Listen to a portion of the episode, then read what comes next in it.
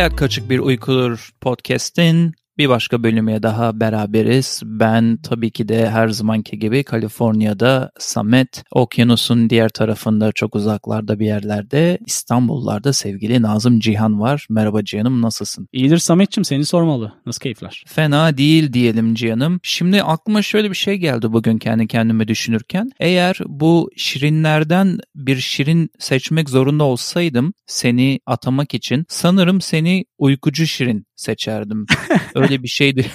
ne diyorsun bu konuda? Uyar mı sana? Şöyle demek istiyorum. Ya uykun varsa uyuyacaksın. Bunun yeri ve zamanı yok. Katılıyorum sana. Genelde biz birbirimizle mesajlaşırken sürekli bir uykuya dalma riskinde olduğun için bunu böyle söyledim sevgili dinleyici bilmen açısından Cihan hakkında. Ama konuyu nereden nereye bağlayacağım? Şimdi bizim bugün böyle hayatı kaçık kılan bir bilinmezlik olsa da yani bilinmez bir durum olsa da Kayıp Şehirler adındaki serimize bağladığımız derin kuyu var. Bunun sebebi de şimdi şirinlerin daha rahat edebileceği ve daha rahat içinde gezebileceği tünellerden oluşması. Böyle de bir bağlantı kurdum. Senin uykucu şirin olman ve derin kuyu arasında. Yani bugünkü konumuz sevgili Cihan'la beraber derin kuyu yeraltı şehri olacak ve şehir olarak da geçtiği için çoğu yerde ebatından dolayı bunu Kayıp Şehirler serimizin ikinci artık içinde insan bulunmayan şehri olarak seçtik değil mi canım? Ama bir yandan bakınca dönemi içerisinde o kadar nüfusu içinde barındırması itibariyle bir şehir. İstersen bir girizgah yapalım. Nedir ne değildir çünkü derin kuyu yeraltı şehri deyince aslında çoğumuzun yabancı olduğu bir yer. Lakin çok da iyi bildiğimiz bir bölgede aslında. Evet bilinen bir yerin daha az bilinen bir parçası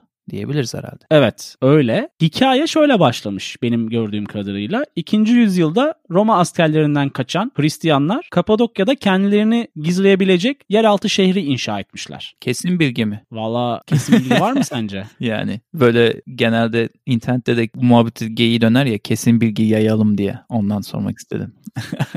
bu kabul edilen bilgi diyelim. Hani tarih içerisinde. Çünkü olay 1963 senesinde ayyuka çıkıyor. Çok da enteresan bir şekilde ortaya çıkıyor. 1963 yılında bir köylü evinin duvarını yıkıyor. Ondan sonra orada küçük bir giriş buluyor ve o girişten içeri girdiği anda senaryo bambaşka bir yere geliyor. Çünkü Büyük bir odaya çıkıyor. Evet ve araştırmalar ilerledikçe görülüyor ki toplam derinliği 85 metre civarında olan kat sayısı yaklaşık 13 olduğu öngörülen ve belirtilen şu ana kadar da 8 katı ziyarete açılmış olan bir şehrin aslında buluşunu yapıyor adam. Evet hayatı kaçık kılan, kaçık bir uykuya çeviren bir an işte. Kendi evindesin, 1963'tesin. Hayatın artık çok böyle her gün repeat'e bağlamış, gayet duran giderken ben bu evimin biraz odalarını genişleteyim dediğinde bir anda bütün dünyanın bile şu anda hala hayretle araştırmak istediği bir hı hı. yeraltı şehrine kapıları açmış oluyorsun. Gerçekten ilginç bir şekilde bulunuyor. Çok geçmeden ama beni şaşırtan 1963'te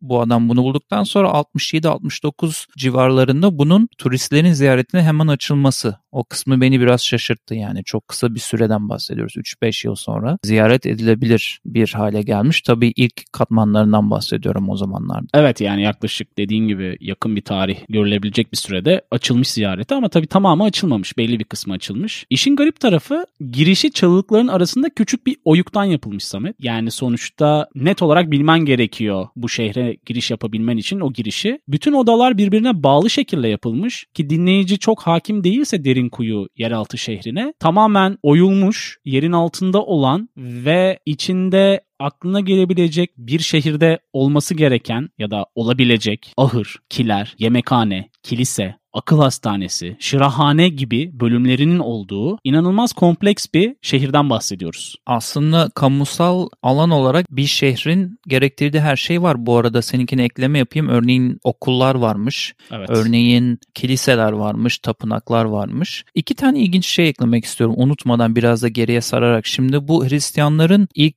kullanma olayından bahsettin ya sen. Benim araştırma yaptım ki araştırmadan bahsettiğim de dinlediğim insanlar, arkeologlar ve mimari araştırma yapan ve üniversiteler için Türkiye'de çalışan insanların bazı söylemlerini aktarıyorum. Milattan önce 7. 8. yüzyıla kadar geriye gitme ihtimali olduğunu düşünüyorlar bu tünellerin ama her bulan topluluk tarafından bir tık ileriye daha da kazıldığını yani aslında yüzyıllara dayanan bir derinleşme bu 8 kat 13 kat falan zamanla gittiğini düşünüyorlar. Şimdi sana şunu söylemek istiyorum. Niye bunu geriye sarıp bir bahsetmek istedim? Frikyalılar, Hititler, Hristiyanlar, Bizanslılar, Romalılar ve hatta son olarak da Selçukluların bu tünelleri kullandığını tahmin ediyorlar. Aslında çok daha geriye de gidebilir ve böyle de küçük bir ayrıntı var elimde. Bu oydukları kaya formasyonunun diğer buldukları mağaralarda hemen bir test yaparlar ya bir teste tabi tuttuk. Aha. Bu mağara işte 3000 yıllık fosilden falan buluyorlar üzerindeki mikroorganizmalardan falan. Maalesef bu tünelde kayanın çeşitliliği gereği böyle bir şeye de imkanları yok. O senin başında bahsettiğin Hristiyanlar olayının kabul edilmesinin sebebi de ilk defa duvarlarına Hristiyanlığa dair kanıt şeklinde yazılar bıraktıkları için geriye dönük elle böyle tutulur somut onlar var kullandığından emin olduğumuz. Ama ondan öncesinde kim başlattı, nasıl başlattı biraz muamma. Bir de bu çalılıklardan içine girilen kısmı ben de okudum, gördüm ama daha da ilginci yani günümüzden bahsediyorum. Bazı yapılarda bazı kiliseler varmış orada. Onların altlarından da girişler bulmuşlar bu büyük tünel yapısına veya şehre. Zaten eminim senin notlarında vardır. Bu bahsettiğimiz derin kuyu şehri birkaç başka daha ufak olan yeraltı şehirleriyle de bağlantılıymış. Evet o bölge zaten çok enteresan bir bölge o peribacaların olduğu taraf Nevşehir tarafı. Orada birkaç tane daha zaten bu tarz tarz şehir var. Ama hepsi tamamen açık değil bildiğim kadarıyla. Bu şehrin bir başka özelliği kapasite tarafı biliyorsun. Kimi kaynaklarda 20 bin, kimi kaynaklarda 50 bin nüfusu barındırabildiği söylenen bu şehrin en kritik tasarımı belki de havalandırma kısmı Samet. Bu şekilde Aynen. hem sıcaklığı hem de temiz havayı sağlayabilmişler ki yerin altında yaşadığın için aslında en önemli şey hem ısınma hem de havalandırma kısmı bunu sağlamışlar bu şekilde. Şimdi görme iletisi çok kısıtlı. Aşağıdasın, yerin altındasın ve bahsettiğimiz eski zamanlarda elindeki seçenekler işte meşale, mum gibi şeyler veya ateş destekli görme durumları kapkaranlık bir yerden bahsediyoruz. Bugünkü gibi turistlerin gezdiği o elektrikle aydınlanmış tüneller yok. Bu senin bahsettiğin havalandırma için yaptıkları delik deliklerin aynı zamanda ses ileten önemli kanallar olduğunu düşünüyorlar ki birisi kaybolduğunda veya birisi yerini ve mekanını bir şekilde bulmak istediğinde ses vasıtasıyla da birbirlerine yardımda bulunduklarını tahmin ediyorlar. Tabii bunlar hep hipotez. Elinde %100 kanıt yok kimsenin ama bu da benim çok ilgimi çekti. Bir de bu 20 bin 50 bine bir ekleme yapmak istiyorum. Şimdi biz 20 bin 50 bin diyoruz ama bazı kaynaklarda 3-4 bine kadar diyor. Bazı kaynaklarda ben de 20 bini gördüm ama burada önemli olan bir ekleme de 20 binin içinde onların elinde bulundurduğu hayvancılık sayısını katmıyorlar. Yani üstüne üstüne öyle bir büyük yerden bahsediyoruz ki aslında biraz bunu canlandırması bile zor şu anda sadece podcast dinleyerek. Ama bu alanda bir de hayvanlarının da sığdığını evet. e, tahmin edin. Gerçekten muazzam bir şehir. Sana biraz işin komik tarafına da kaçarak şöyle bir ek not vereyim. Şimdi dedik ya senle kiliseler var, akıl hastaneleri hastaneleri var. Hı hı. İşte bir sürü oturma odası var. En muamma böyle gizemli kalan bulamadıkları oda hangisiymiş biliyor musun o koca şehirde? Hangisi? Tuvalet. Hiçbir yerde evet bir atık, bir tuvalet, bir nerede yani nereye yaptılar tuvaletlerini ve daha sonra bununla ne yapıldığına dair hiçbir kanıt bulunamamış ama Şöyle iki tane tahminim var. Bir, burası çok büyük ve hala kazı yapıldığı için ve daha fazla odalar bulunduğu için acaba bundan da mı daha derin bir yerlerde bir odaları vardı veya sistemleri bulunamayan? İki, her yapıldığında acaba bu hijyen anlamında kritik olduğu için hastalıklara falan biliyorsun çok evet. elverişli. Her seferinde bir şeye yani bir şey kullanılıp yapılıp dışarıya açık alana taşındı mı taşınmadı mı diye bir tahmin var. Belki de tamamen hmm. elimine edip dışarıya da götürmüş olabilirler. Ama gerçekten ilginç yani. Bütün evet. bu bahsettiğimiz odalar içinde böyle bir oda yoktu ki ben Efes'i gezmiş biri olarak oradaki gördüğüm tuvaletler falan aklıma geliyor. Bilmiyorum sen de gittiysen veya resimlerini gördüysen tuvaletler vardı taştan böyle oyulmuş falan Efes'te bile. Ama burada yok. Medeniyet gelmemiş o zaman. Çünkü medeniyetin ölçüsü tuvalet olduğu için geçmişten günümüze.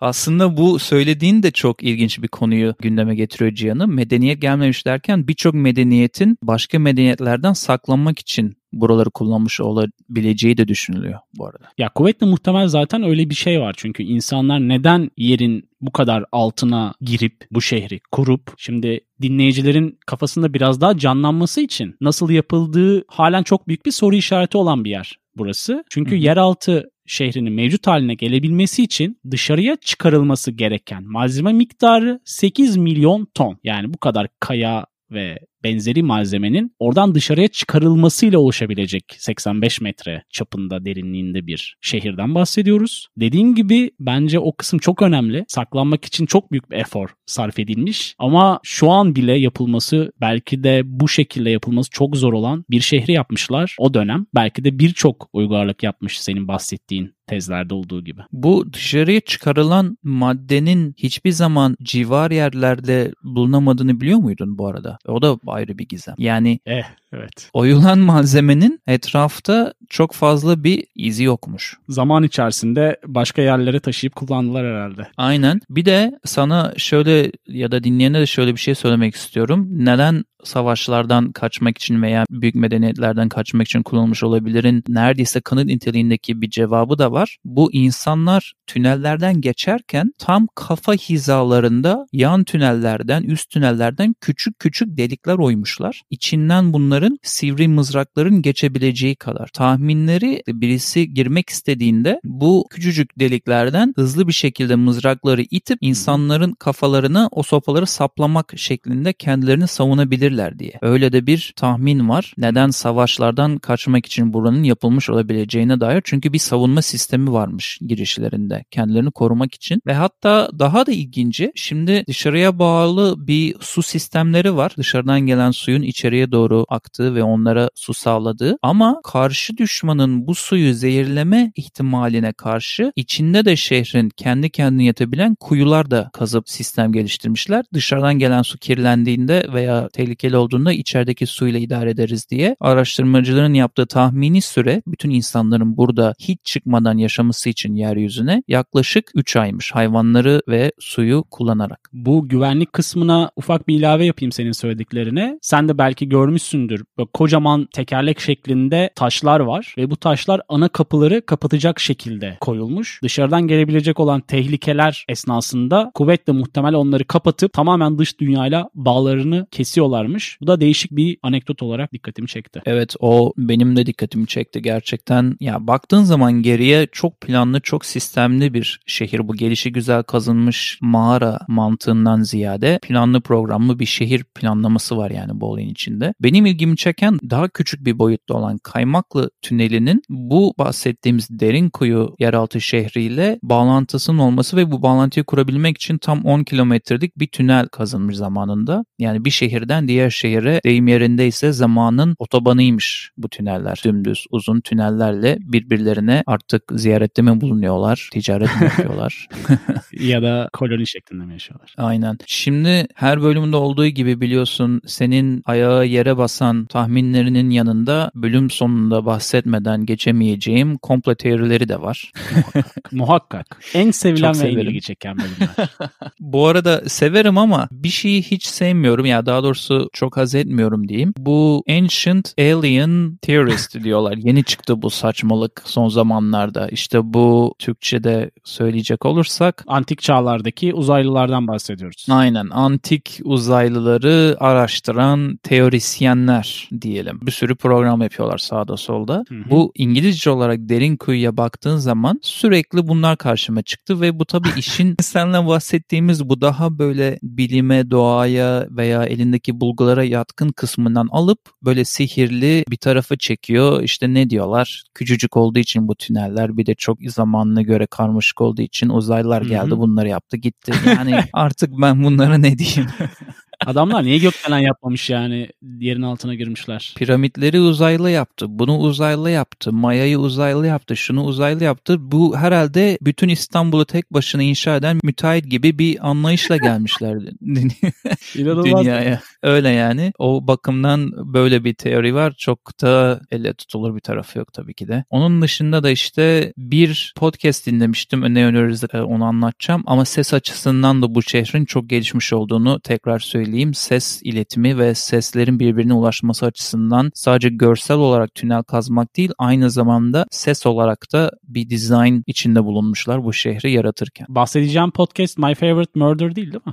Hayır bu Türkçe bir podcast'ten önereceğim de. Bu arada My Favorite Murder ve Ancient Alien'lardan bahsetmişken ya şu konu biraz ilginç geldi bana Cihan. Derin kuyuya dair podcast veya programlar aradığımda yabancı odaklı şeylerin Türk odaklı şeylere göre daha fazla olması ilgimi çekti. Neden öyle oluyor bilmiyorum. Türkçe içerikten ziyade daha fazla İngilizce içerik vardı ve hepsi böyle Darren Koyu falan diye bahsediyordular yani. Bir Göbekli Tepe havasını hissettin. My Favorite Murder podcast'ini sana sormamın sebebi biliyorsun Amerika'da ilk 3 sırada olan podcast'ten birisi. Başarılı bir podcast ve bunlar Minnesota 101'de Derin Koyu konuşmuşlar. Hani ya? Evet o da var. Onu dinledim. Dediğin gibi çok yurt dışında ses getirmiş. Dünyanın ilgisini çeken. Çeşitli makale ve haberlere konu olmuş. Değişik bir aslında elimizdeki nimet dememiz lazım. Anadolu'nun ortasında duruyor. Evet yani bundan bahseden insanlar hep yani yabancılardan bahsediyorum. Hep e, Göbekli Tepe'yi ve bunu beraber anıyorlar ki Göbekli Tepe de yenice bir keşif. Ya bitirirken şunu söyleyeyim sana Cihan. Zaten oralara gidesim çok vardı. Sana da söylüyorum bunu hep. Ama baktıkça bu konuya gerçekten bucket listime yani ölmeden önce yapılacak şeyler listeme derin kuyuyu ziyaret etme seçeneğini de eklemiş bulunuyorum. Sana da buradan açık davet. Ya şöyle bir durum var. Daha önce de konuştuğumuz gibi hani kendi ülkeni gezmeden yurt dışındaki şehirlerin planlamalarını yapıyorsun seyahat programında. Ama bu podcast ile birlikte ülkeyi de daha güzel ve nitelikli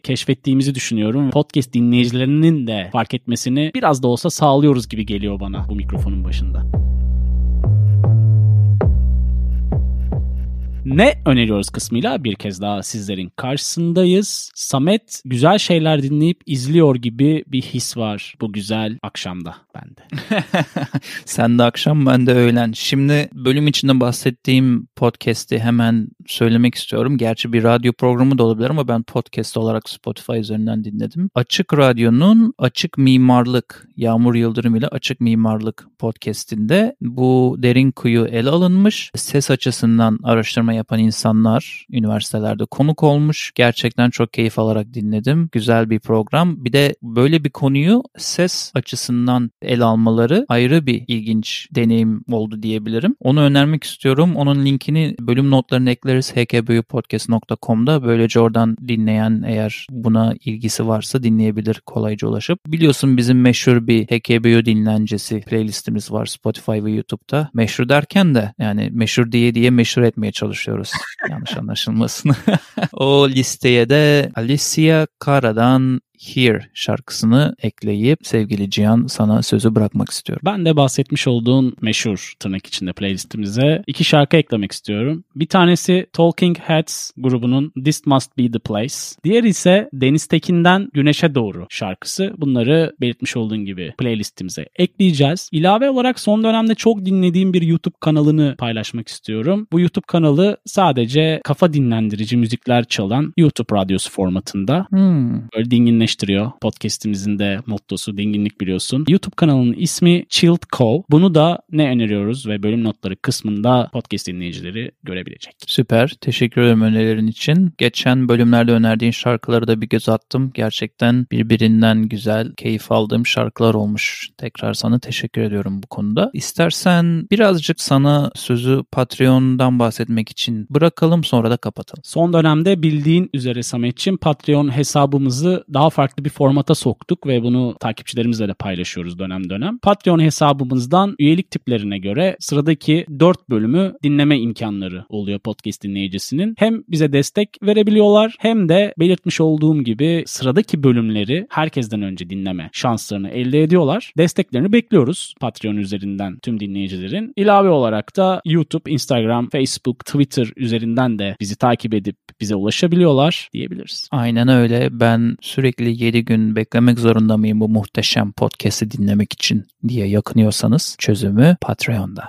Herkese bu bölüm özelinde ve desteklerinden dolayı teşekkür edelim ve bir sonraki bölümde görüşelim. Hoşçakalın. Derin uykular diliyoruz. Hoşçakalın.